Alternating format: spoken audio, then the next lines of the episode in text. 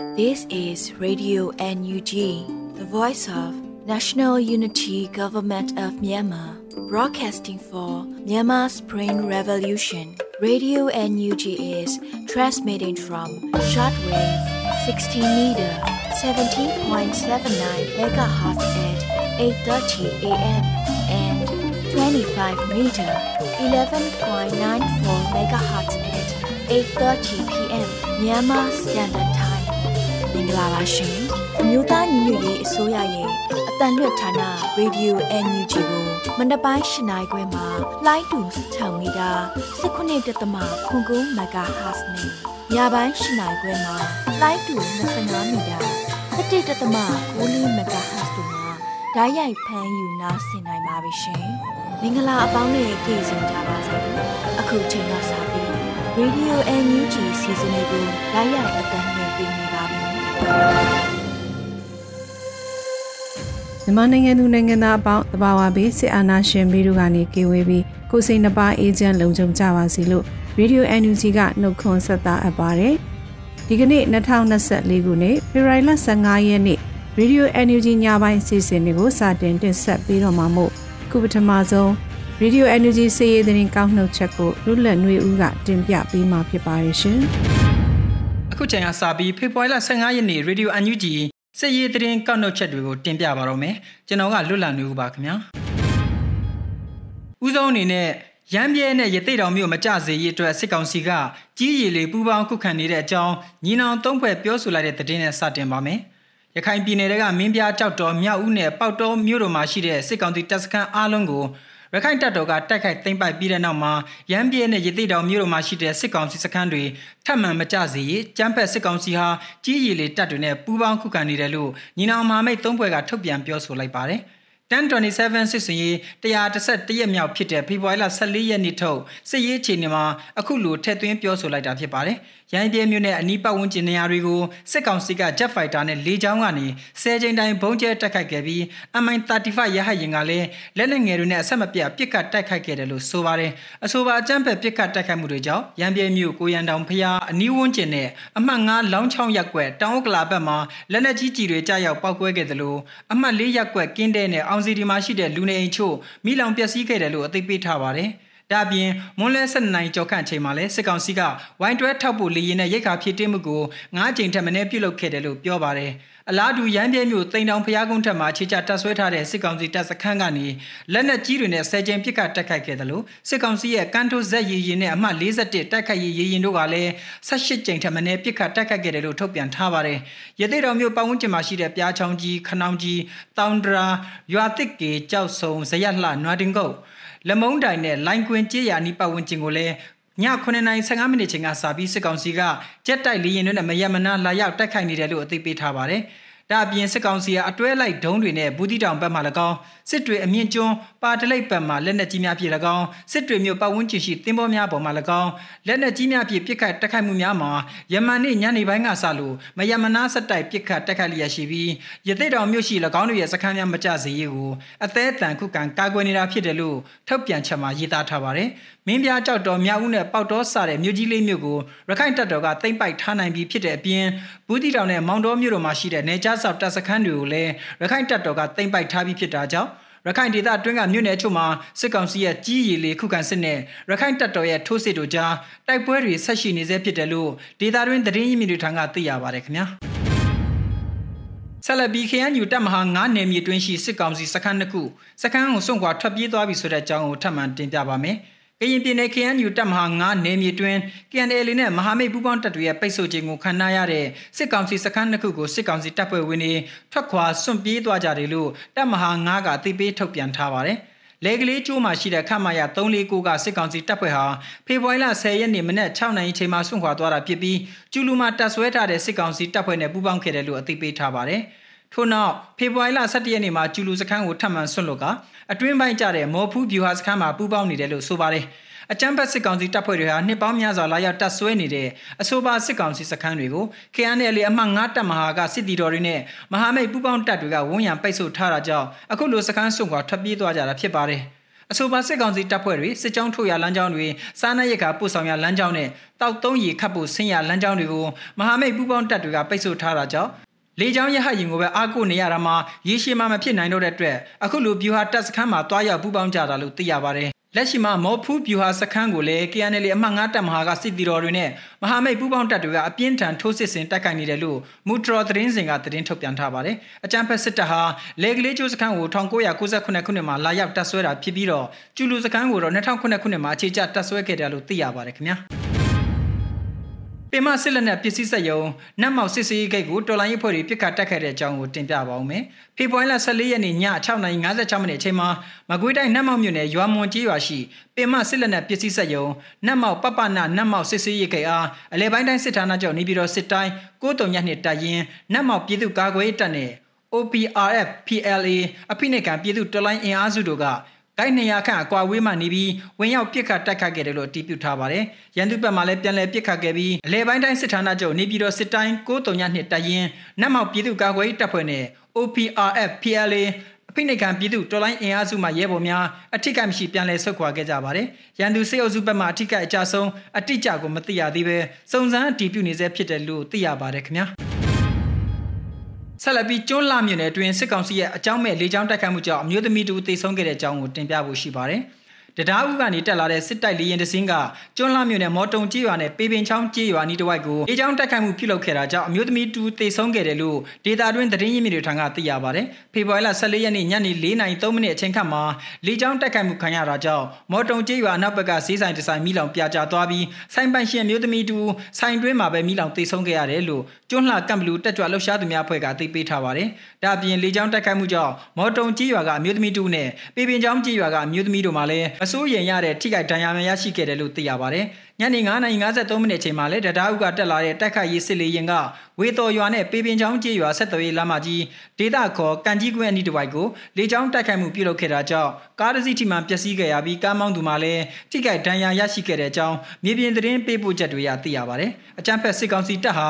စစ်ရေးပြစ်မှမဟုတ်တဲ့ပြည်သူများနေထိုင်ရာရွာများတာသနိကအဆောက်အုံများစစ်ရှောင်စခန်းများစာတင်ကျောင်းများနဲ့ဆေးရုံများကိုတိကပြစ်မှတ်ထားပြီးအကြောင်းမဲ့လေကြောင်းတိုက်ခိုက်မှုတွေအကြိမ်ကြိမ်ပြုလုပ်နေရဖေဖော်ဝါရီလ၁ရက်နေ့ကလည်းကမ်ဘလူခရိုင်တွင်းကတင်တော်စော်ချောင်းညောင်ကုန်းပင့်သာမကြီးကုန်းစည်းကုန်းစတဲ့ကြေးရွာတွေကိုအကြောင်းမဲ့လေကြောင်းတိုက်ခိုက်မှုတွေပြုလုပ်ခဲ့ပြီးဖြစ်တယ်လို့ကျွန်းလာကမ်ဘလူတက်ကြွလှုပ်ရှားသူများအဖွဲ့ကမ်ဘလူခရိုင်ကအသိပေးထုတ်ပြန်ထားပါတယ်ခင်ဗျာ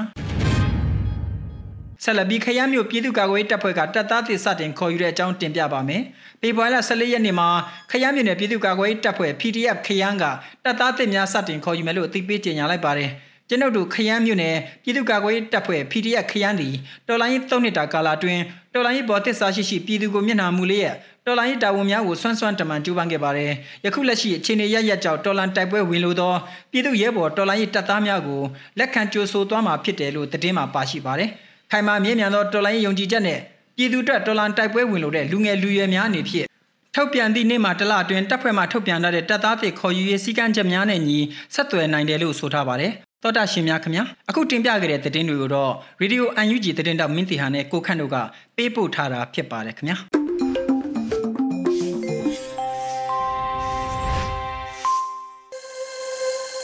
ဗီဒီယို NUG သောတာရှင်များရှင်စီးရီးသတင်းကောက်နှုတ်ချက်တွေကိုနားဆင်ရပြီးမှတော့ခုဆက်လက်ပြီးပြည်တွင်းသတင်းများကိုຫນွေဦးမောင်ကတင်ပြပေးမှာပဲဖြစ်ပါရဲ့ရှင်မင်္ဂလာပါခင်ဗျာယခုချိန်ကစပြီး2024ခုနှစ် ဖေဖော်ဝါရီလ15ရက်ညပိုင်းပြည်တွင်သတင်းများကိုတင်ဆက်ပေးတော့မှာဖြစ်ပါတယ်ကျွန်တော်ကတော့ຫນွေဦးမှာပါပထမဦးဆုံးတင်ဆက်ပေးမယ့်သတင်းကတော့စစ်မှုထမ်းဥပဒေနဲ့ပတ်သက်ပြီးကင်တွယ်စီမံနိုင်ဖို့အမျိုးသားညီညွတ်ရေးအစိုးရအနေနဲ့စီမံချက်တစ်ခုရေးဆွဲပြင်ဆင်နေတယ်လို့ပြည်ထောင်စုဝန်ကြီးချုပ်ကအသိပေးခဲ့တဲ့သတင်းကိုတင်ဆက်ပေးပါမယ်ဖေဖော်ဝါရီလ15ရက် ကြားကာလဒေသန္တရပြည်သူ့အုပ်ချုပ်ရေးဖော်ဆောင်မှုဗဟိုကော်မတီအစည်းအဝေးအမတ်စဉ်6မြင်းဆောင်2024ကျင်းပရာမှာပြည်ထောင်စုဝန်ကြီးချုပ်မန်းဝင်းခိုင်တန်းကအမျိုးသားညီညွတ်ရေးအစိုးရအနေနဲ့စစ်မှုထမ်းဥပဒေနဲ့ပတ်သက်ပြီးကင်တွယ်စီမံနိုင်ဖို့စီမံချက်တစ်ခုရေးဆွဲပြင်ဆင်နေရလို့ပြောကြားခဲ့ပါတယ်။အခုဆိုရင်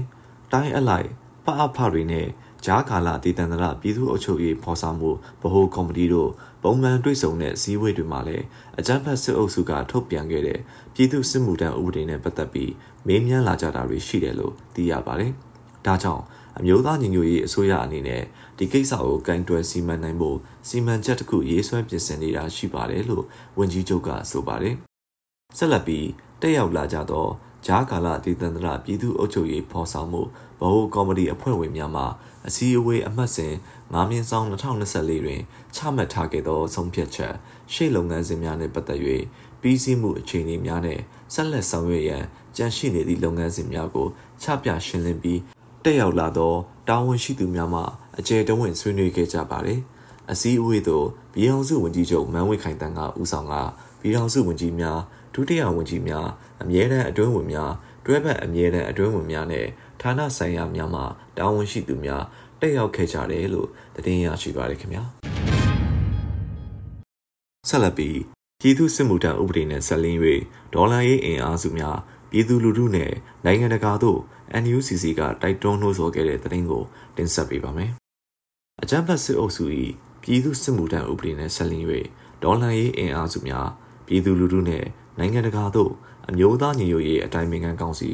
NUCC က ဖေဖော်ဝါရီလ15ရက်နေ့မှာယခုလိုတိုက်တွန်းနှိုးဆော်လိုက်ပါတယ်။တရားမဝင်အကြမ်းဖက်စစ်အုပ်စုသည်စစ်အာဏာရှင်များပြဋ္ဌာန်းခဲ့သောပြည်သူ့စစ်မှုထမ်းဥပဒေ2010ကို2024ခုနှစ်ဖေဖော်ဝါရီလ10ရက်နေ့တွင်စတင်အတက်ဝင်သည်ဟုကြေညာခဲ့ပြီးအကြမ်းဖက်စစ်အုပ်စု၏ထို့သောသွေးယူသွေးတန်းလှုပ်ဆောင်ချက်သည်ပြိုကျပျက်စီးအဆုံးသတ်တော်မူ၎င်းတို့၏အခြေအနေကိုမိမောင်းထိုးပြလိုက်ခြင်းဖြစ်တယ်လို့ဆိုပါတယ်။ ရင်းဥပဒေအားအသက်သွင်းခြင်းသည်တိုင်းပြည်အနာဂတ်ဖြစ်သောကျောင်းသားလူငယ်များအားစစ်မြေပြင်သို့အတင်းအကျပ်တွန်းပို့ခြင်းနဲ့လူသားတိုင်းအဖြစ်အသုံးပြုရန်ကြံစီခြင်းဖြစ်ပြီးစစ်ရာဇဝတ်မှုကိုပြောင်းကျကျကျူးလွန်ခြင်းဖြစ်တယ်လို့ဆိုပါတယ်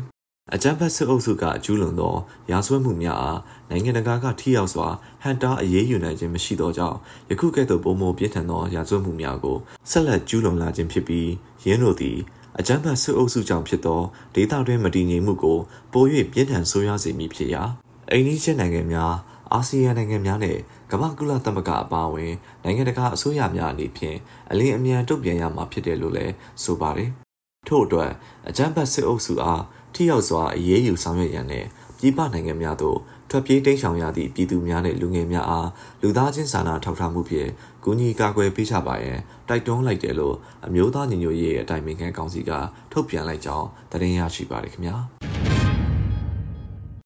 ဆက်လက်ပြီးနိုင်ငံခြားရေးဝန်ကြီးတော်စင်မအောင်နဲ့လူသားစာနာဝန်ကြီးဒေါက်တာဝင်းမြတ်အေးတို့ပြင်သစ်နိုင်ငံရောက်ຫນွေဦးတော်လိုင်းရေးမိသားစုများနဲ့တွေ့ဆုံမဲ့တဲ့တင်ကိုတင်ဆက်ပေးပါမယ် အမျိုးသားညီညွတ်ရေးအစိုးရနိုင်ငံခြားရေးဝန်ကြီးဌာနပြည်ထောင်စုဝန်ကြီးတော်စင်မအောင်နဲ့လူသားချင်းစာနာထောက်ထားရေးနဲ့ဘေးအန္တရာယ်ဆိုင်ရာဝန်ကြီးဌာနပြည်ထောင်စုဝန်ကြီးဒေါက်တာဝင်းမြတ်အေးနဲ့ပြင်သစ်နိုင်ငံရောက်ຫນွေဦးဒေါ်လာရေးမိသားစုများနဲ့ရင်းနှီးနှွေးထွေးစွာတွေ့ဆုံပွဲကိုဖေဖော်ဝါရီလ25ရက်တနင်္ဂနွေနေ့နေ့လယ်2နာရီမှညနေ9နာရီအထိကျင်းပသွားမယ်လို့သတင်းရရှိပါတယ်။ တွေ့ဆုံဆွေးနွေးပွဲကိုတက်ရောက်လူသူများတွေ့ဆုံပွဲနဲ့ပတ်သက်၍ mail ပြန်ပို့ရမှာဖြစ်ပြီးအဆိုပါတွေ့ဆုံပွဲကိုပါရီမြို့73ရပ်ကွက်တွင်ကျင်းပသွားမှာဖြစ်ကာဒေါ်လာရေးနဲ့ပတ်သက်၍ပြည်ထောင်စုဝန်ကြီးနှုတ်ကရှင်းလင်းပြောကြားသွားမှာဖြစ်တယ်လို့သိရှိရပါတယ်။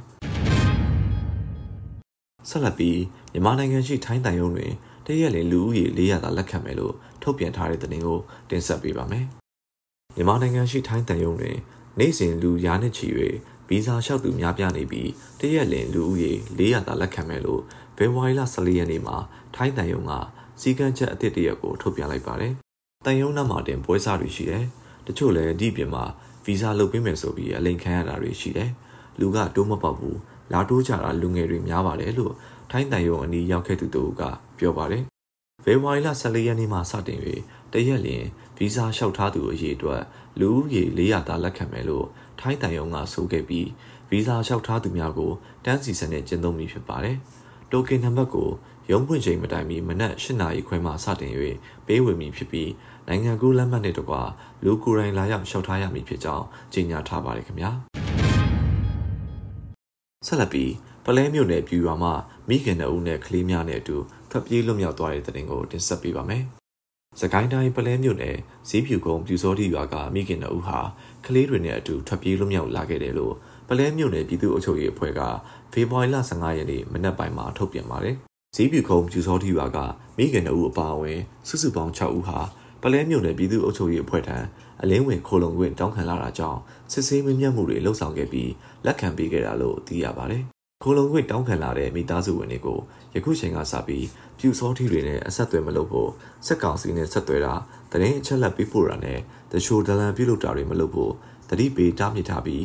ကျူးလွန်ရင်ထိရောက်တဲ့အရေးယူပစ်ပြီးတာခံရမယ်ဆိုတော့ဝန်ခံကတိလက်မှတ်ရေးထိုးစီခဲ့တယ်လို့ပလဲပအားဖာကအသိပေးထားပါတယ်။ထွက်ပြေးလွတ်မြောက်လာခဲ့တဲ့မိခင်တို့ဦးနဲ့အတူအသက်3နှစ်6နှစ်12နှစ်နဲ့15နှစ်အရွယ်ကလေးငယ်တွေပါဝင်တယ်လို့သိရပါတယ်။လက်ရှိမှာ အဆိုပါမိသားစုဝင်တွေကိုကျပ်3သိန်း2000မိုးခါနှစ်ချက်အမျိုးသားအမျိုးသမီးဘဝလုံကြီးတွေထောက်ပံ့ပေးထားတယ်လို့သိရပါတယ်။အကြမ်းဖက်စစ်တပ်ကအာဏာသိမ်းထားတဲ့ကာလအတွင်းမှာပလဲမြို့နယ်တွေကပြူစောတိအားကောင်းရာရွာတွေဖြစ်တဲ့အင်မတီနဲ့ဈေးပြူကုန်းရွာကရွာသူရွာသား90ကျော်ဟာပလဲမြို့နယ်ပြည်သူ့အုပ်ချုပ်ရေးအဖွဲ့ထံမှအလင်းဝင်ခဲ့တယ်လို့သိရပါတယ်ခင်ဗျာဆက်လက်ပြီးတော့နောက်ဆုံးသတင်းအနေနဲ့ EOD မှာဆက်လက်ရောင်းချပေးနေသောလက်ချက်များအများပြည်သူတို့အသိပေးခဲ့တဲ့သတင်းကိုတင်ဆက်ပေးပါမယ်။ EOD မှာဆက်လက်ရောင်းချပေးနေသောမြေကွက်ကွန်ဒိုတိုက်ခန်းနဲ့ရှယ်ယာနောက်ဆုံးလက်ချက်များဖေဖော်ဝါရီလ14ရက်နေ့မှာ EOD ရှယ်ယာကအများပြည်သူတို့အသိပေးဖော်ပြလိုက်ပါတယ်။ဒလိုင်းမီဒလိုင်းတက်နေတဲ့ဒေါ်လာရေးလှိုင်းလုံးကြီးတွေခေါ်အားပြပြဝဝဖြစ်စေဖို့ဆက်လက်အားထုတ်ကြမယ်။ EOD မှာဆက်လက်ရောင်းချပေးနေသောမြေကွက်ကွန်ဒို တိုက်ခန်းတဲ့ share လက်ချက်များအားအသိပေးအပ်ပါတယ်လို့ဆိုပါတယ်။ EOD ကကြန့်ရှိ share များမှာ interview at 6.5 miles အချမ်းဖတ်စစ်ကောင်ဆောင်မင်းအောင်လိုင်းမတရားသဖြင့်ရယူထားသောရန်ကုန်တိုင်းလှိုင်မြို့နယ်6မိုင်ခွဲရှိနိုင်ငံတော်ပိုင်မြေနဲ့အဆောက်အအုံ၏ဗန္ဒာရေးဆိုင်ရာပိုင်ဆိုင်ခွင့်အားကာလတန်ကြေ၏သုံးမှုတပုံတန်ဖိုးဖြည့်၍အစုရှယ်ယာတစုလျင် US ဒေါ်လာတရာဖြင့်ရောင်းချပေးခြင်းဖြစ်ပါတယ်။ Spring Blitz 123ຫນွေဦးဆိုင်ရိပ်မွန်113လူနေတက်ခတ်များ ရေဦးဆိုင်ရိပ်မုံ1လိုင်တာယာရေဦးဆိုင်ရိပ်မုံ2တောင်တကုံရေဦးဆိုင်ရိပ်မုံ3မင်္ဂလာတော်မြို့နယ်များရှိအကြမ်းဖက်စစ်တပ်ကမတရားတစ်ဖြစ်သိမ်းယူထားသည့်မြေနေရာများတွင်လူနေတိုက်ခန်းများဆောက်လုပ်ရောင်းချပေးနေခြင်းဖြစ်ပါတယ်။ဒေါ်လာရေးကာလအတွင်းပေးသွင်းတန်ဖိုး US ဒေါ်လာ1320 US ဒေါ်လာ1980 US ဒေါ်လာ2640နဲ့ US ဒေါ်လာ3420တန်ဖိုးရှိတိုက်ခန်းအမျိုးအစား၄မျိုးကျန်ရှိသေးတယ်လို့ဆိုပါတယ်။ Spring Air Condominium ຫນွေဦးအင်းလျားကွန်ဒိုတိုက်ခန်းများမှာပါရမီလမ်းမပေါ်မြေတံမိုးမြင့်မာသည့်အင်းရကန်ဆောင်ရှိအကြမ်းဖက်တပ်ပိုင်မြေနေရာတွင်ဆောက်လုပ်ရောင်းချပေးသောကွန်ဒိုဖြစ်ပြီးဒေါ်လာရေးကာလအတွင်းပေးသွင်းတံမိုး US ဒေါ်လာ11900 US ဒေါ်လာ16800နဲ့ US ဒေါ်လာ21600တန်ဖိုးရှိကွန်ဒိုတိုက်ခန်းအမျိုးအစား၃မျိုးကျန်ရှိနေသေးတာဖြစ်တယ်လို့သိရှိရပါတယ်ခင်ဗျာယခုတင်ပြပေးခဲ့တဲ့သတင်းတွေကို Radio NUG တနေ့တော်မင်းဒီဟန်နဲ့ကိုခန့်တို့ကပေးပို့ပေးထားတာဖြစ်ပါတယ်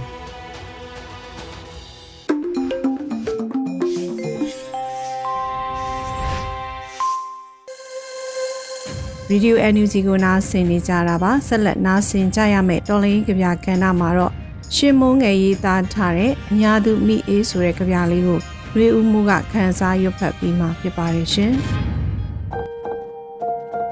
အညာသူမိအေး ကျုပ်တို့အညာတခွင်ဟာဟိုအရင်ကตาရပျော်ရွှင်စရာအတိတ်ငွေမရှိလဲတောက်ပငွေမရှိလဲဝမ်းဝလက်လောက်လက်စားဆိုပေမဲ့ကျုပ်တို့အဖို့ဝမ်းစာအရေးဟာအလန်းကွာမဝေးခဲ့ပါဘူးကျုပ်နာမည်မိအင်းကိုညူမောင်ရဲ့မယားပုံအညာသူဆိုတော့ညိုတပေါ့တော်နာမည်မိအင်းတစက်ကလေးမှမပူရမပင်ရကိုရင်ညုံမောင်ကလည်းချစ်တပအညာမြေပလဲနဲ့တခွင်မှာဂျုံစပါပြောင်းကြက်တုံ ကလပဲခရမ်းတီခရမ်းချင်စသည်ဖြင့်သီးနှံစုံရကြတပကျုပ်တို့တော့မဟုတ်ပါတောင်သူတွေများထေးလိုက်တမအငားလိုက်ရတဲ့ကျုပ်တို့လည်းအဖိုးအခတွေရှင်လုတ်ပကျုပ်တို့အိမ်ကလေးထမ်းလက်မိုးထရင်ကာတာယာပျော်ရွှင်ကြည်နူးရကိုရင်ညုံမောင်နဲ့ကျုပ်မိအေးမှာနောက်တွဲကလေးလေးရှိတဲ့ပေါ့ဖိုးတာတူကလေးတရွာလုံးရဲ့အော်ကျော်လန်ကလေးပေါ့ကျုပ်တို့တော့ချစ်မဝပေါ့လေအညာတေတရဲ့အလှပတွေကို အကြီးတန်းစင်ခဲ့တဲ့တနေ့တော့အညာသူအညာသားတွေးဟာရဲရဲတောက်ခဲ့ကြကိုရင်ညုံမောင်လဲသူ့လက်ဆွဲတော်ဓမ္မတိုလေးခါထိုးလို့မိအေးငါသွားပြီတဲ့အဲ့ဒီနှုတ်ဆက်စကားအပြီးတော့မလဲဘယ်ခီးတွေစက်နေပါတည်းတော့စာမလားတရင်မကြမိအေးရမှာပူရပါတော့စာမလားဆိုပေမဲ့ကိုရင်ညုံမောက်ပညာအရေးအချင်းကရွာဦးစီရတော့ပေးတဲ့ဘွဲ့နမိတ်ကြီးတာရှိတာပါမျောမနေတော့ပါဘူး သူထင်ရသူဆိုင်တနေ့တော့စကိုင်းရောက်မှာပေါ့အညာဒေတရဲ့လူငယ်လူလက်တိတ်ကိုဖြက်လက်တက်ကြွပြန်တူရုံးမှလွတ်မယ်လို့ကြွေးကြော်လွတ်မြောက်ရာလမ်းမှန်းမျောလို့အပြင်းချီတက်ကြလိမ့်ပြီအရင်အေးချမ်းတဲ့အညာဟာအခုတော့ပူလောင်လုံးလှပြီပြေးလိုက်လွှားလိုက်ရှောင်လိုက်ပုံလိုက်ကျုပ်တို့ရွာမှာလည်းမအေးချမ်းဘူးတုံးတက်လိုက်ကြားကတ်လိုက်ပါမိအေးတော့ကိုညုံမောင်မရှိတော့ရင်နဲ့တမျိုးကြီး လွမ်းတယ်ဆိုတာကြီးထင်ပတော့မပြောတတ်ပါဘူးဘလို့ကြီးကြောင်မှမသိဘူးကိုညုံမောင်ရှိရင်ပြေးလဲအတူသေလဲအတူမိအေးရှင်အပူတော့ရော့မှာပေါ့တနေ့တော့မိစ္ဆာတတိုက်ကျုပ်တို့ရွာကိုမီးနဲ့တိုက်တော့စံတခွဲအိတ်ကလေးခေါင်းပေါ်တင်ဖိုးတာဒုကလေးလက်ကဆွဲဒန်အိုးအပိန်ကလေးကြိုင်းကြားညမ်းလို့အဝတ်တစ်ထည်ကိုတခုအသက်ကိုလွတ်လို့ပြေးရတပါအပြေးမတော်ချော်လဲလို့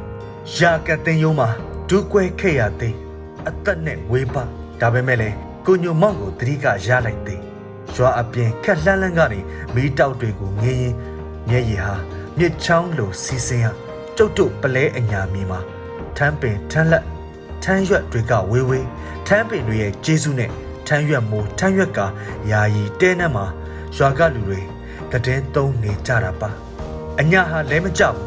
အညာဟာမပြိုလဲဘူး ထမ်းပင်တွေရဲ့ကျေးဇူးဆိုလို့ဟိုတနေ့ကကိုတာဝကတော်ခွက်ပုံးခုတ်ထားတဲ့ထမ်းရည်ဖို့အကျွေးကိုကျုပ်ကိုမေးသေးတယ်ပေးရမလားပြောတော့တော်ပြန်လာမှတောင်းမတယ်သစ္စာရှိချက်ကလုံမယုံဒါဟာအညာရဲ့သဘောတဘာဝပါပဲညတွေဟာပူမှောင်လာတယ်လို့ဘဝတွေဟာပူမှောင်လာပြီကိုရင်ညုံမောင်ရင်မောင်မိုက်လုံးလေလေကျယ်တွေကတောက်ပလေလေလို့တော့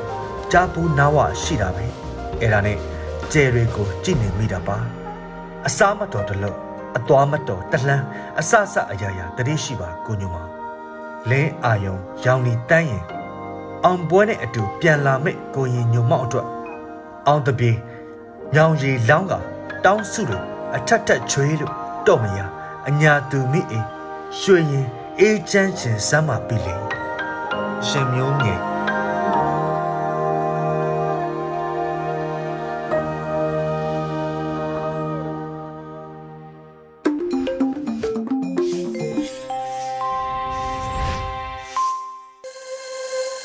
ရေဒီယို NUG မှာဆက်လက်အသံလွှင့်ပေးနေပါတယ်။ဆက်လက်နားဆင်ကြရအောင်မဲ့မြို့သမီးကဏ္ဍမှာတော့တွန်လင်ဤအောင်မြင်ခြင်းအလှကပအပိုင်း68ကိုလော်ရာဟန်ကတင်ဆက်ပေးမှာဖြစ်ပါတယ်ရှင်။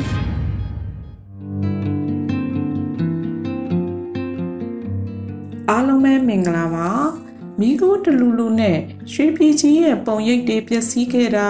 ၃နှစ်တာခရီးကိုရောက်ခဲ့ရပါပြီအညာရဲ့ဒေတာအဆုံးမှာတော့ နားလဲတန်အစားဘုံတန်လက်နဲ့ကြီးတန်တွေနဲ့တီးနှံစိုက်ပျိုးကြလို့ဘဝတွေနာခဲ့ရတဲ့ရက်တွေကလည်းအများသားပါလားအခုဆိုရင်မေတော်ဆန်းစုကြည်ပြောခဲ့တဲ့လူပါပဲကိုကိုကိုတိဆောက်ရမယ်စားသူတစ်ပါးရဲ့ဘဝတွေကိုရိုက်ချိုးခဲ့ပြီးအာနာကိုတူးယူခဲ့ကြလို့ရွှေပြည်ကြီးမှာနေရနှက်အထိနာ လူဖြစ်ရှုံးကြရတဲ့ဘဝတွေအများသူငါခရီးဆက်နေကြလေရဲ့အာနာရှင်ကလည်းတက်တန်းတူရင်တိုင်းပြည်လည်းပြက်ခဲ့တယ်လို့ပြည်သူများရဲ့ဘဝတွေကလည်းမျိုးမျိုးသောဥပဒေအောက်မှာပြည်သူကိုအနိုင်ကျင့်လို့အာနာရှင်တက်တန်းအသက်ရှင်နိုင်ဖို့စ조사နေကြလေရဲ့အခုဆိုရင်ပြည်သူတွေအတွက်နေဝင်ကြီးအချိန်များမှဆလို့မနဲ့မိုးလင်းအချိန်ထိ လမ်းမပေါ်မှာလူကြီးတိတ်လို့၆သွိမ့်နေတဲ့ညတွေဖြစ်ခဲ့ရပါပြီမတော်တရားတဲ့အပြုမူတိုင်းကအာနာရှင်လက်ပါစေတွေအချိန်တိုင်းကျူးလွန်ခဲ့ကြသလိုလူသားချင်းချင်းသိစေနိုင်တဲ့အထိမကောင်းသည့်အတွေ့အသည့်ဉာဏ်များကိုတင်ကြားလေးကျင့်ပေးခဲ့တာယနေ့ချိန်မှာတော့ပွင့်လင်းမြင်သာစွာနဲ့ပြည်သူအယောက်ချင်းစီမြင်တွေ့ခွင့်ရနေကြပါပြီ။ တစ်ဆက်တည်းမှာမြန်မာစစ်တပ်လို့ခံယူထားသည့်လူဖွဲ့စည်းများရဲ့လှုပ်ဆောင်ချက်များကတော့ပြည်သူအချင်းချင်းသွေးခွဲဝါဒဖြန့်သည့်အလုပ်အပြင်နိုင်ငံအရေးမှာစစ်တပ်ကိုအောင်နိုင်ခဲ့သူမြည်သူအစိုးရကိုမဆိုးရန်သူအဖြစ်ပြစ်မှတ်ထားကစံပြုတ်ထိုက်သူခေါင်းဆောင်အသီးသီးကိုအကျဉ်းချပြီးလူပေါင်းနယ်ပယ်ကနေပျောက်ပြက်သွားအောင်ဖဲတင်ခဲကြတာစ ဆယ်စုနှစ်မကသလိုယနေ့အချိန်ထိပါပဲပြည်သူအတွက်ဆိုတာအုပ်ချုပ်သူလူဒန်းစားများဖို့လူချင်းချင်းခေါင်းပုံဖြတ်သည့်အလုပ်ကိုလုပ်ကြသလိုဖက်စစ်များရဲ့ဝါဒကိုလည်းကျင့်သုံးခဲ့ကြတာပါပဲခုဆိုရင်မြမပြည်သူတွေအတွက်ခေတ်ပြစ်စနစ်ဆိုးမှာထုတ်ပြန်ခဲ့သည့်စစ်မှုထမ်းသည့်ဥပဒေဆိုတာညီသူအစိုးရလက်ထက်မှထုတ်ပြန်ခဲ့ခြင်းမရှိခဲ့ပါ တိုင်းပြည်ရဲ့ငြိမ်းချမ်းရေးကိုဖော်ဆောင်နေသူတိုင်းရှောင်ရှားခဲ့ကြတဲ့ဥပဒေပါတကယ်ဆိုရင်ပြည်သူအစိုးရတိုင်းမှာပြည်သူအချင်းချင်းစီလုံးမှုဖြစ်စေမည်လို့ရများသမကဥပဒေများကိုရှောင်ရှားခဲ့ကြသူတွေဖြစ်ကြပါတယ်ခုတော့ထောင်နှံဆိုသည့်တသွေးတသန်တမိတ်နဲ့ပြည်သူချစ်ကိုပြန်ရဖို့ဆိုတာအာနာရှင်လူတစုအတွက်အလွန်ကိုအလံဝေးလွန်းလာပါတယ် တကယ်ဆိုကျမတို့ပြည်သူထဲကပြည်သူတယောက်နည်းနဲ့အခုလိုချင်းနေမှာစစ်ကောင်စီကိုထောက်ခံအားပေးသူ အဖွဲ့အစည်းများနဲ့သာပူးပေါင်းတင်တယ်လို့မြင်မိပါတယ်ပြည်သူဆိုတာယနေ့အချိန်ထိပြည်သူအာဏာပြည်သူလက်ထဲပြန်ရနိုင်ဖို့နဲ့ဒေါ်လာရေးကိုအောင်နိုင်ရမယ်ဆိုတဲ့ခံယူချက်ကိုစုပ်ကန်ထားကြလို့လဲအာနာရှင်တွေရဲ့တက်တန်းက၅ချိန်မြောက် စံချိန်တင်ခဲ့ရတဲ့အခြေအနေထိရောက်ခဲ့ရတာပါပဲခုဆိုရင်မတက်ရက်လို့ကိုကိုကိုတက်တန်းတိုးရင်ပြည်သူတွေရှေ့မှာမိမိကိုတိဆောက်နိုင်ဖို့တဲ့အာနာရှင်စနစ်ကိုတိဆောက်နိုင်ဖို့ဝန်ခံနေတယ်လို့ပါပဲဘလို့ပဲဖြစ်ဖြစ်ပြည်သူတွေတတိရှိကြပါအာနာရှင်ကတော့အာနာရှင်လို့ကိုပဲလက်နက်မျိုးစုံထုတ်သုံးနေကြမှာပါပဲပြည်သူကလည်း အဲ့လက်နက်တွေရဲ့အနိုင်ကျင့်မှုတွေကမိမိတို့ဘဝတွေကိုမပျက်စီးနိုင်ဖို့အသိဉာဏ်နဲ့ကြိုတင်ကာကွယ်ထားနိုင်ဖို့လိုအပ်တယ်လို့ခွန်အားတက်တိများအပြည့်ထားရှိကြပြီးဆုံးဖြတ်ချက်မှန်ကန်တဲ့ရွေးချယ်မှုများကိုလှုပ်ဆောင်ကြရမှာဖြစ်ပါတယ်ခုတစ်ပတ်မှာဆိုရင်မိသားစုဝင်တိုင်းစစ်ကောင်စီရဲ့ဥပဒေဆိုသည့်နိုင်ကျင့်မှုအောက်မှာတော်လှန်ရေးအတွက်ပြည်သူအများစုရဲ့ စိတ်သက်တွေခံယူချက်တွေအားရော့သွားစေမည့်ဥပဒေကိုထုတ်ပြန်ခဲ့တာကြောင့်ကျမစိုးရိမ်မိတာတော့မှန်ပါဒါပေမဲ့ပြည်သူကိုကျမလေးစားတယ်ခံယူချက်တိုင်းကလည်းပြည်သူအားဖြစ်လို့တော်လှန်ရေးအတွက်လည်းအားဖြစ်ခဲ့ရပါတယ်အညာရဲ့မိကိုတွေနဲ့ကောလင်းမြို့လေးရဲ့ပုံရိပ်များကပြည်သူများအတွက်အောင်ပွဲပါဘလို့ချင်းနေမှာပဲဖြစ်ဖြစ်ပြည်သူတွေစီးလုံးနေတဲ့၍ကျမတို့တော်လန်ရေးက အောင်ပွဲရက်တွေဖြစ်နေမှာပါပဲအောင်ပွဲဆိုတဲ့နေ့ရက်တိုင်းအတွက်ပြည်သူတွေကအရေးကြီးတယ်လို့ပြည်သူကလည်းတော်လန်ရေးမှာအခုထက်ပိုပြီးအားဖြည့်မှသာကျမတို့လိုချင်သည့်ဗန်းနိုင်ဖြစ်သည်ဒေါ်လာရေးဤအောင်မြင်မှုအလှကဘာကိုတိဆောက်နိုင်ကြရမှာဖြစ်ပါတယ်အားလုံးကိုကျေးဇူးတင်ပါတယ်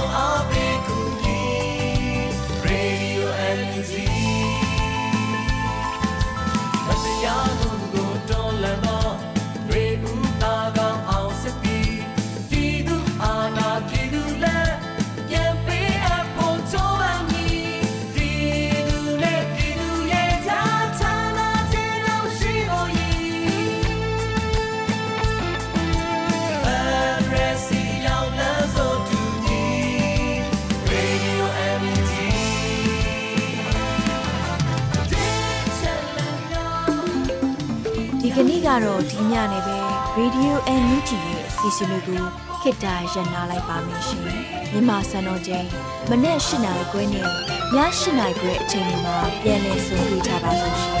Radio NUG ကိုမနေ့ပိုင်း၈နာရီခွဲမှာလိုင်းတူ16မီတာ19.7ခုခုမဂါဟတ်နဲ့ညပိုင်း၈နာရီခွဲမှာလိုင်းတူ25မီတာ17.6မဂါဟတ်တို့မှာဓာတ်ရိုက်ဖမ်းယူနားဆင်နို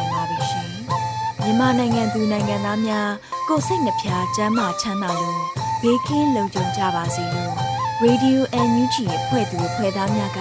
ဆုတောင်းလိုက်ရပါတယ်။ San Francisco Bay Area အခြေဆိုင်မြန်မာမိသားစုများနိုင်ငံတကာကစေတနာရှင်များလို့အားပေးများရဲ့ Radio NUG ဖြစ်ပါတယ်ရှင်။အရေးတော်ပုံအောင်ရမည်